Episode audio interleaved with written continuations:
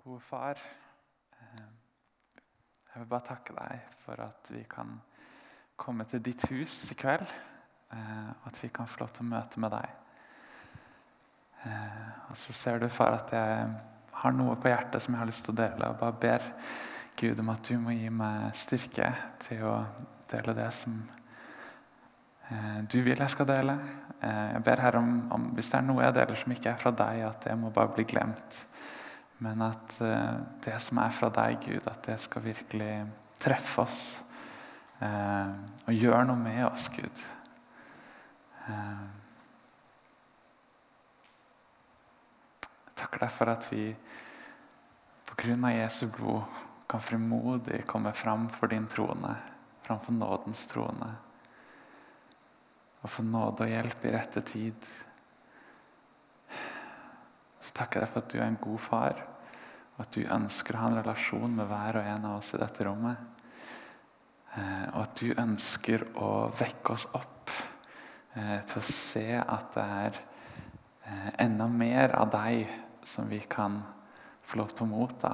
Det er enda mer av din godhet, av ditt nærvær, av hvem du er, som vi kan få lov til å utforske. Det er mer av ditt mysterium som vi kan få lov til å se, Gud. Den er mer av eh, din legedom som vi kan få lov til å, å gripe og få lov til å leve i. Du er trofast, du er god, du er allmektig. Du er kongenes konge og herrenes herre, og vi ønsker bare å tilbe deg i kveld. Vi ønsker bare å løfte deg opp. Vi ønsker å møte med deg, gode Gud. Du som alene er verdig.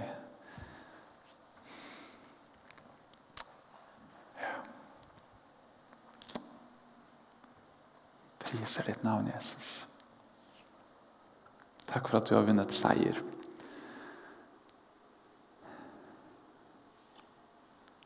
Takk for at du har seiret over alt det onde.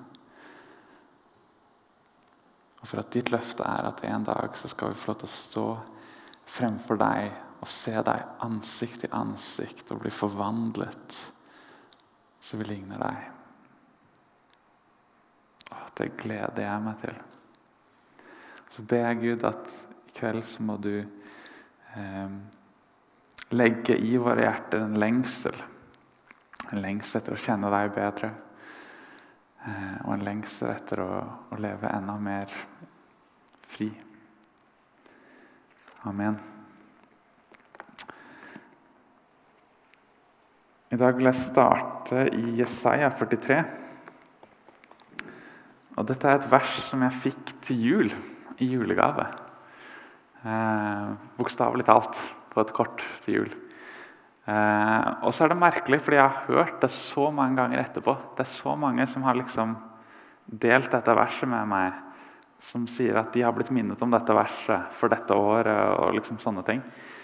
Eh, så jeg opplever at det taler til meg personlig, men jeg tror også at det taler noe inn i vår tid eh, som er veldig viktig for oss å gripe. Yes, Jesaja 43, også fra vers 18. Dere skal ikke minnes de første ting. Ikke tenke på det som hendte før. Se, jeg gjør noe nytt. Nå spirer det fram. Merker dere det ikke? Ja, jeg legger vei i ørkenen og elver i ødemarken. Ville dyr skal ære meg, sjakaler og strutser, for jeg gir vann i ørkenen og elver i ødemarken, så mitt utvalgte folk kan få drikke.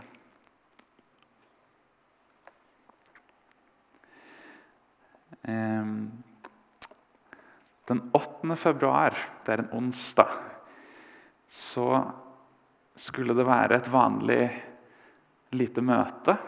Eh, litt lovsang, en kort andakt på en bitte liten kristen skole i Asbury, Kentucky i USA.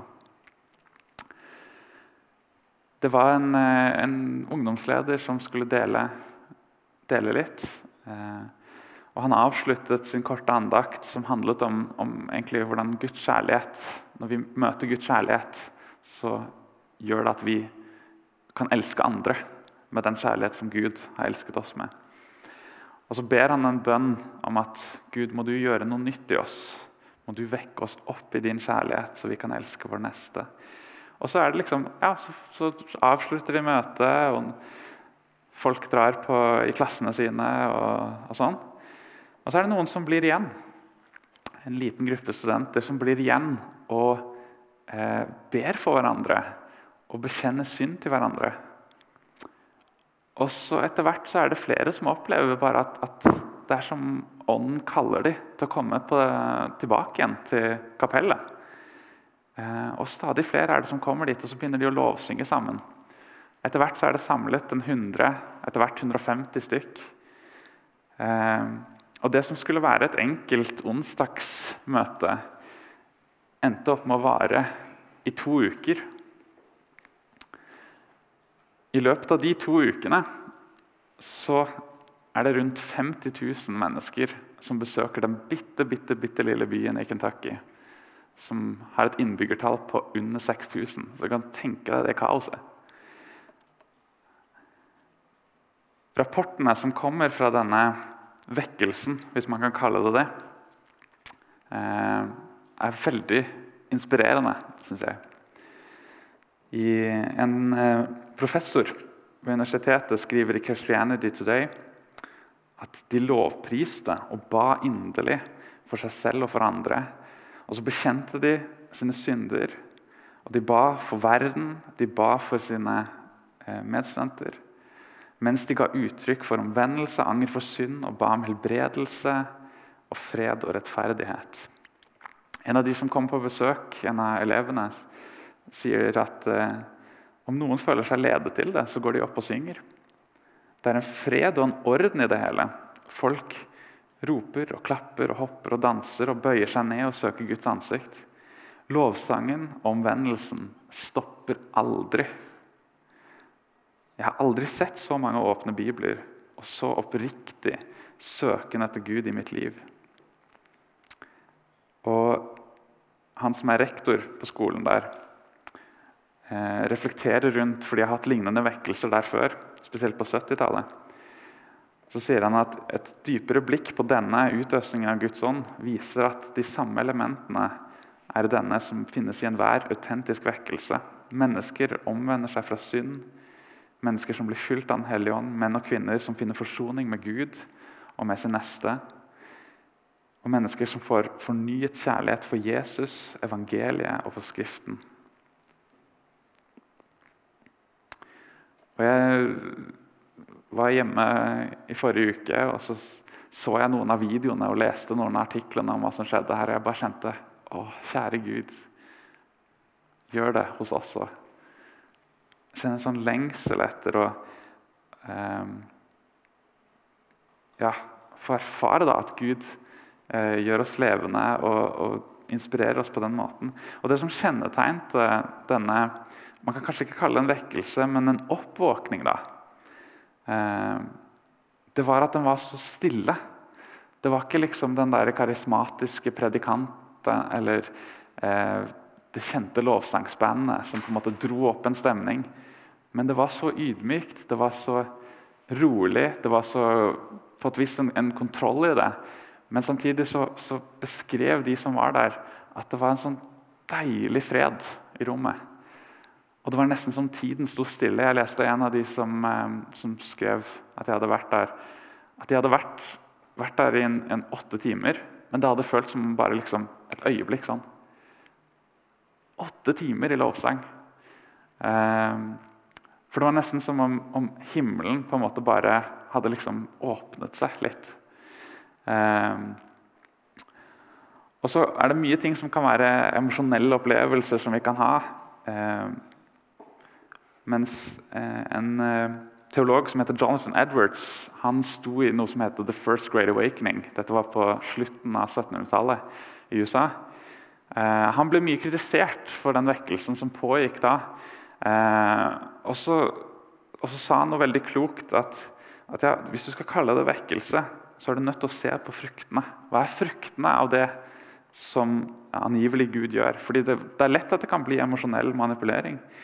Men Spørsmålet er fører det til større kjærlighet for Jesus. Fører det til en større lengsel etter Guds ord, etter å bruke tid i Guds ord og i bønn. Fører det til en større kjærlighet for vår neste. Dette er ting som vi ser i etterkant, og som vi kan eh, bruke som sånne markører.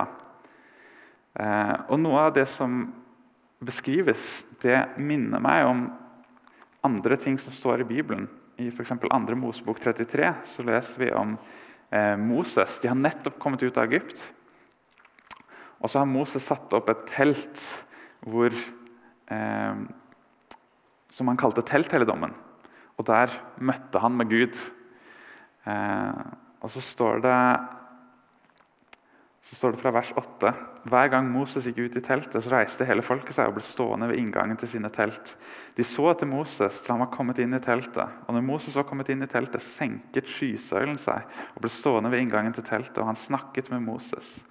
Når folket så at skystølen sto ved inngangen av teltet, reiste de seg alle sammen og bøyde seg og tilba hver ved sin teltdør. Så talte Herren med Moses, ansikt til ansikt, slik som mennesker snakker med hverandre. Siden vendte Moses tilbake til leiren, men tjeneren hans, en ung gutt som het Josfa, sønn av noen, forlot aldri teltet. I en av de andre oversettelsene så står det at Moses snakket til Herren som en mann snakker med sin venn. Og Det syns jeg er så nydelig. Eh, tenk å få snakke med, med, Gud på den måten. Å få, få, snakke med han som en venn. Eh, og så tenker jeg også på den unge gutten Josva, som bare ble i helligdommen. For han hadde sånn en lengsel etter å være i Guds nærvær. Jeg kjenner bare, Dette, dette er forbilder for meg som, eh, som, virkelig var ja, de var opptatt av å være der Gud er. Da. Og så Rett etterpå her så spør eh, Moses Herren om han kan få lov til å se hans ansikt. Og så får han, se, så får han ikke se eh, alt det han vil, men han får se Guds godhet gå foran ham. Eh, veldig sånn sterkt. Og etterpå så fornyer han pakten. Eh, så minner det meg også om Elia på Horabs fjell i første kongebok 19. Der står det om eh, Elia. Han har nettopp flyktet for kongen i landet. Og de er, de er liksom Det står om livet. De har drept alle profetene. Han er den siste igjen. Det er skikkelig liksom, bad times. Og så og Så møter Herren han, og så står det om at, at det kom en storm og det kom en ild og det kommer alle disse mektige tingene. Og så Midt i lyden av skjør stillhet så dekker Elia til ansiktet sitt med kappen. For nå skjønte han at nå er det Gud som er her og møter meg. Og Så taler Gud til han og gir han et nytt oppdrag og setter mot i han. Og Sånne erfaringer er sånne som jeg tror vi trenger noen ganger. Vi trenger å, å, erfare og møte Gud på en sånn sterk måte noen ganger. Um, og så har jeg reflektert litt rundt er vi, er vi, virkelig der at vi ønsker vekkelse? Jeg har møtt mange det siste året som, som ber om vekkelse og sånn. Men vil vi virkelig ha det? Eh, vil vi virkelig møte Gud? Og så ble jeg minnet om en tekst som er Johannes 5 Skal vi se. Eh, der står det om den syke ved Betesta, fra vers 1. Etter dette så kom en av jødenes høytider, og Jesus dro opp til Jerusalem. Ved saueporten i Jerusalem ligger en dam som på hebraisk heter Betesta. Den er omgitt av fem bueganger. Der lå det en mengde mennesker som var syke. Blinde og lamme og uføre.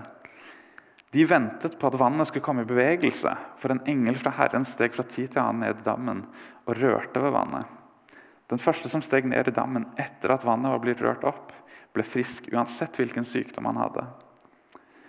Det var en mann der som hadde vært syk i 38 år. Jesus så ham ligge der og visste at han hadde vært syk lenge, og sa til ham, 'Vil du bli frisk?' Den syke svarte, 'Herre, jeg har ingen som kan få meg ned i dammen når vannet blir rørt opp.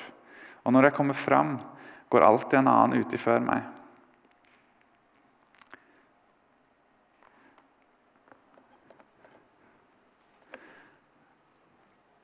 Tenk, Han hadde venta i 38 år. Hele hans voksne liv hadde han vært syk og ligget der og håpet at snart er det min tur. Snart er det min tur til å bli frisk. Men det var ingen som hadde hjulpet ham. Og så er det liksom merkelig. sant? Jesus går, og så er det liksom en syk mann som har vært syk så lenge. Og så spør han vil du bli frisk. Det er klart han vil bli frisk. Det er nesten sånn fornærmende spørsmål. sant?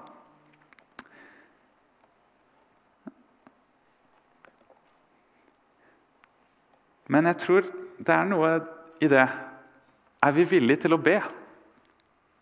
Er vi villige til å be han om det?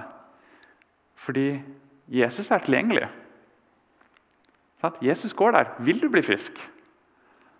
Og så er det egentlig opp til oss. Responderer vi på det Jesus inviterer oss til?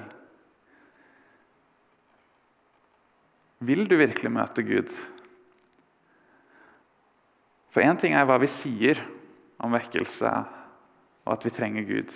En helt annen ting er hva vi faktisk vil. Hvor er hjertene våre egentlig?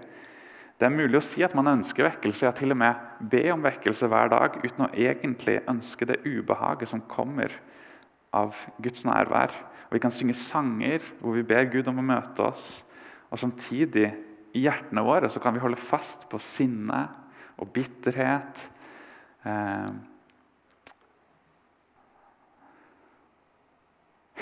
og, og, og, disse tingene hindrer oss fra å være ærlige og fra å, å, møte Gud. Det er mulig å be om enhet og samtidig glede seg over krangle med andre kristne fordi jeg har jo rett. Og være stolt av det. Eh, det er mulig å ha dine hemmelige synder samtidig som du ber om frihet og frelse for andre. Det er mulig å finne en slags trøst i selvtilfredsstillelse og være likegyldig til Kirkens forfall, samtidig som en generasjon unge mennesker går fortapt. Jeg hørte denne uken om, eh, fra en kollega av meg de, eh, halvbroren, eh, halvbroren hennes på 14 år valgte å ta sitt eget liv denne uka som nå var. Altså, vi lever i en, en, tid hvor det er så mye håpløshet. Det er en ung generasjon nå som, som ikke kjenner Jesus, og som blir fortalt at du må bygge din egen identitet. Du må finne ut av hva er det som gjør at du er verdifull, og hva er det som gjør at du kan liksom, ha en mening i livet. Og Det er en vanvittig byrde å legge på det. altså.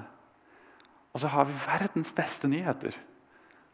Du er ønsket, du er elsket, du er tilgitt.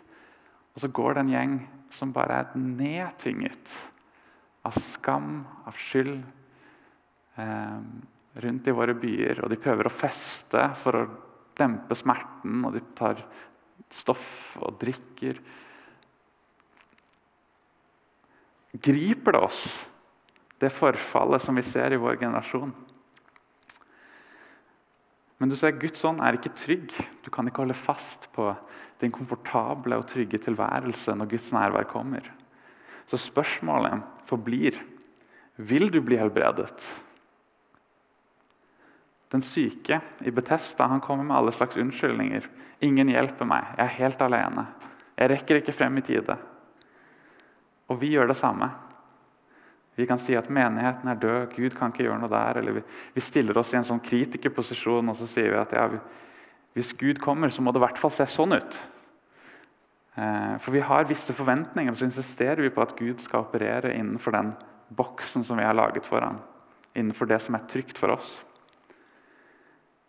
Tingen er at I forkant av enhver vekkelse så kaller Herren noen til å overgi seg til bønn.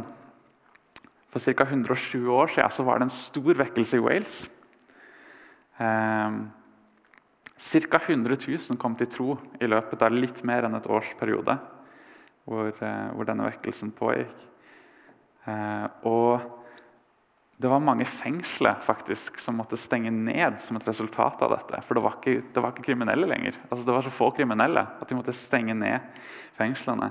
Barene ble omgjort til kirker, stjålen eiendom Eh, og eiendeler ble returnert. De fattige ble tatt vare på. Og hele Wales ble forandret.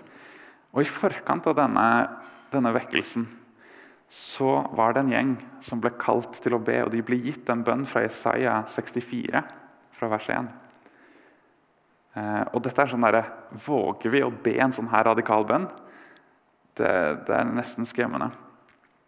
Der står det Ville du, altså Gud, bare flerre himmelen og stige ned, så fjellene dirret for deg, som når ilden setter fyr på kvistene, som når ilden får vannet til å koke, for å lære dine motstandere å kjenne ditt navn. Folkeslag skulle skjelve for ditt ansikt. Når du gjorde skremmende gjerninger som vi ikke ventet, og steg ned, så fjellene dirret for deg. Så da spør jeg dere som lytter nå, vil du ha vekkelse? Kjenner du at hjertet ditt hopper ved tanken? Og lengter du etter en fersk berøring av Gud?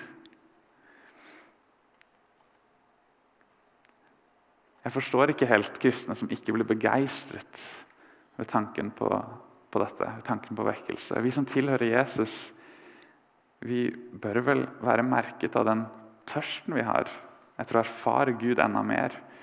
Etter den lengselen vi har etter å se Hans kraft virke blant oss. At han kan sette fanger fri. Helbrede de syke og rope ut ens nådens år for Herren. Måtte han gjøre det mellom oss. Ehm, denne gleden skulle, skulle lede oss inn i å løfte hender og bøye knær. Og ikke at vi har armene i kors og er litt bakoverlente og litt sånn eh, passive. Og så kjenner jeg for min del at eh, det utfordrer meg veldig nå, fordi jeg, jeg, kjenner at jeg liksom er litt tom. Og er litt sånn tørr for tida. Jeg, jeg trenger vekkelse i mitt eget liv. For det starter jo på et hjertenivå hos oss. Uh, og for å, for å, være litt si, personlig så har det vært en, en, veldig krevende tid for meg de siste månedene. Uh, det, som, som, noen av dere vet, så ble det slutt med kjæresten. Og, uh, ja. Helt ærlig så forstår jeg ikke hvordan folk som ikke har en levende relasjon med Gud, klarer seg gjennom tøffe tider. For jeg, har måttet lene meg på Gud så mye. Uh, jeg tror kanskje, tror kanskje ikke jeg har hatt en så, så vanskelig tid før. Da. men jeg opplever at Gud har vært der med sin fred når jeg har kunnet på en måte komme til han da, og bare legge, eh, legge mine byrder på han. I fjor, så, Jeg pleier å be hvert år om at Gud gir meg et vers for året. og I fjor så var det verset Kom til meg, alle som strever og bærer tunge byrder, og jeg vil gi dere hvile. Og det har jeg virkelig trengt, det verset. Eh, og så vil jeg fortelle om, om eh, noe helt konkret. da et helt konkret møte med Gud som jeg har hatt i den litt tøffe perioden som har vært nå. For to uker siden så var jeg på fellesskapskonferansen i Oslo, som arrangeres i regi av Misjonssambandet. Eh, og så hadde vi, vi hadde hatt liksom en full dag da, med seminarer og sånt på forhånd. Hvor eh, en del av de som er lederne og ansatte, var. Og så er det flere som hadde liksom spurt meg oh, jeg kjekt å se deg, Marius, og hvordan går det? og sånn, og så Altså første to gangene kanskje så var jeg ærlig og sa at jeg, jeg syns ting er ganske vanskelig. egentlig, og, og, sånn. Men etter hvert så bare avviste jeg og bare sånn, ja, det går greit. Hvordan går det med deg? Um, for jeg gadd ikke å snakke om det lenger. Jeg bare kjente at det var liksom Jeg ble bare sliten av det. Uh, og så var jeg på kveldsmøte fredag kveld, over evangeliet ble forsynt. Uh, og så viste Gud meg noe i mitt eget hjerte.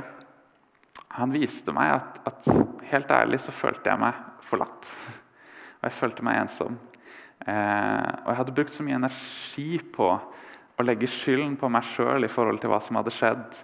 Du vet den der hvor du bare analyserer hva skulle jeg gjort annerledes. og ja, alt sånn.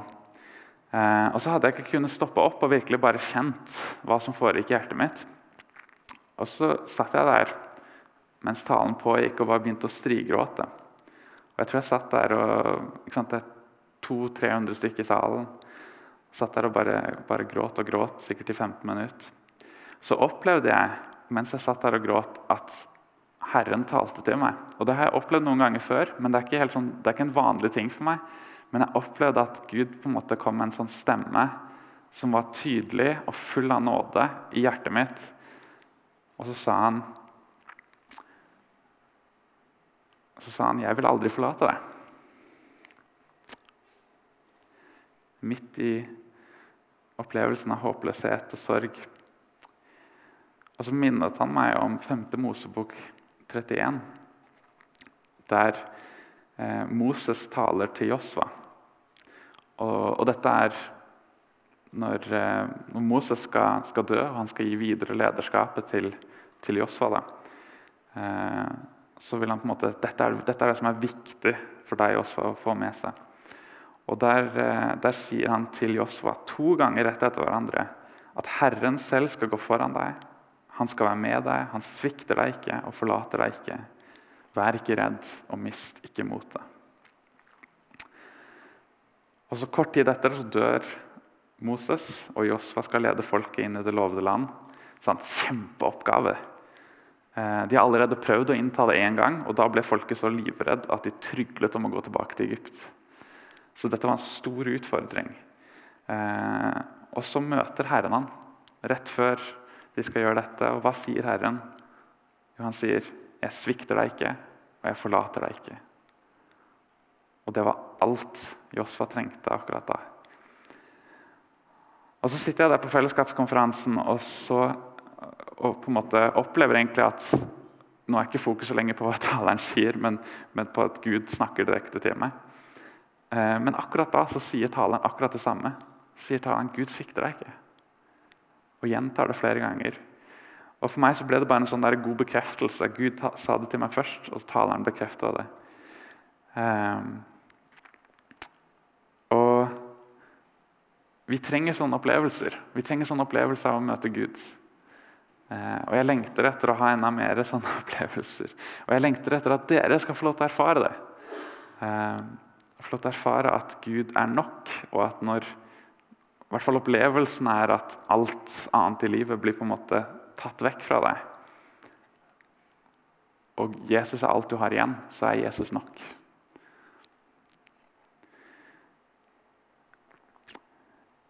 Men spørsmålet er det samme som, som jeg stilte i stad, og som, som, Jesus stilte. Vil du virkelig ha vekkelse? Vil du bli helbreda, sier Jesus. Vil du det? Det er noe som skjer først i våre hjerter, men vi må slippe han inn. Han står klar, han. Eh.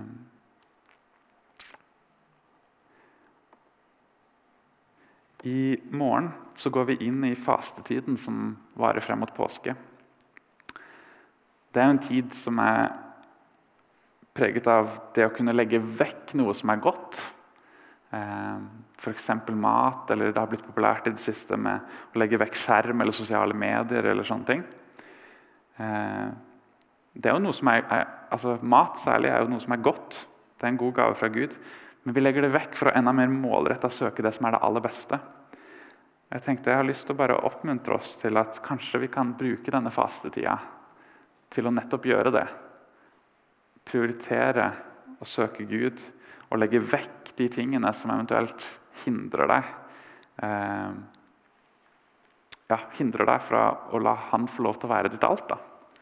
Og kanskje til og med teste han på det. Altså Bare, bare prøve han på Vil du virkelig bære meg? For det, det, kan du ikke erfare hvis ikke du på en måte prøver det ut. Eh, og Jeg opplever at jeg har fått erfart det litt de siste månedene. da.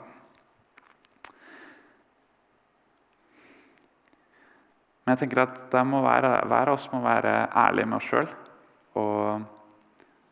Hvis, hvis, du nå sitter og tenker på et eller annet konkret som bare det hindrer meg fra å, å leve i dette, så, så, ta et oppgjør med det. Gi det til Gud, og så, og så ta de nødvendige konsekvensene av det valget. Eh, og så er det kanskje andre av oss som, som, ikke tenker på noe konkret, men som er mer åh, Enten at vi har en lengsel etter å erfare Gud mer, og erfare at Gud er nærmere, eller at vi kjenner at jeg har ikke en lengsel, men jeg burde ha en lengsel etter det. Da kan du be til Gud om det. Til slutt så eh, mot, eh, mot, slutten av det møtet den fredagskvelden så ble jeg introdusert for en sang. Eh, den var på norsk den gangen, men det fins kun opptak på svensk. Så jeg har lyst til at vi skal høre på den. Eh, og Det er en sånn sang som den heter 'Vi vender om'. Eh, og den er en sånn sang som er liksom, Vi kan komme til Gud som far. Og han er barmhjertig, og han omfavner oss. Eh, og jeg tenker at Det er det perfekte inngangen i å kunne snakke med Gud om eh, den plassen han har i livet ditt. Da. Så jeg tenkte vi skal høre på den, og så skal vi ha nattverd sammen etterpå.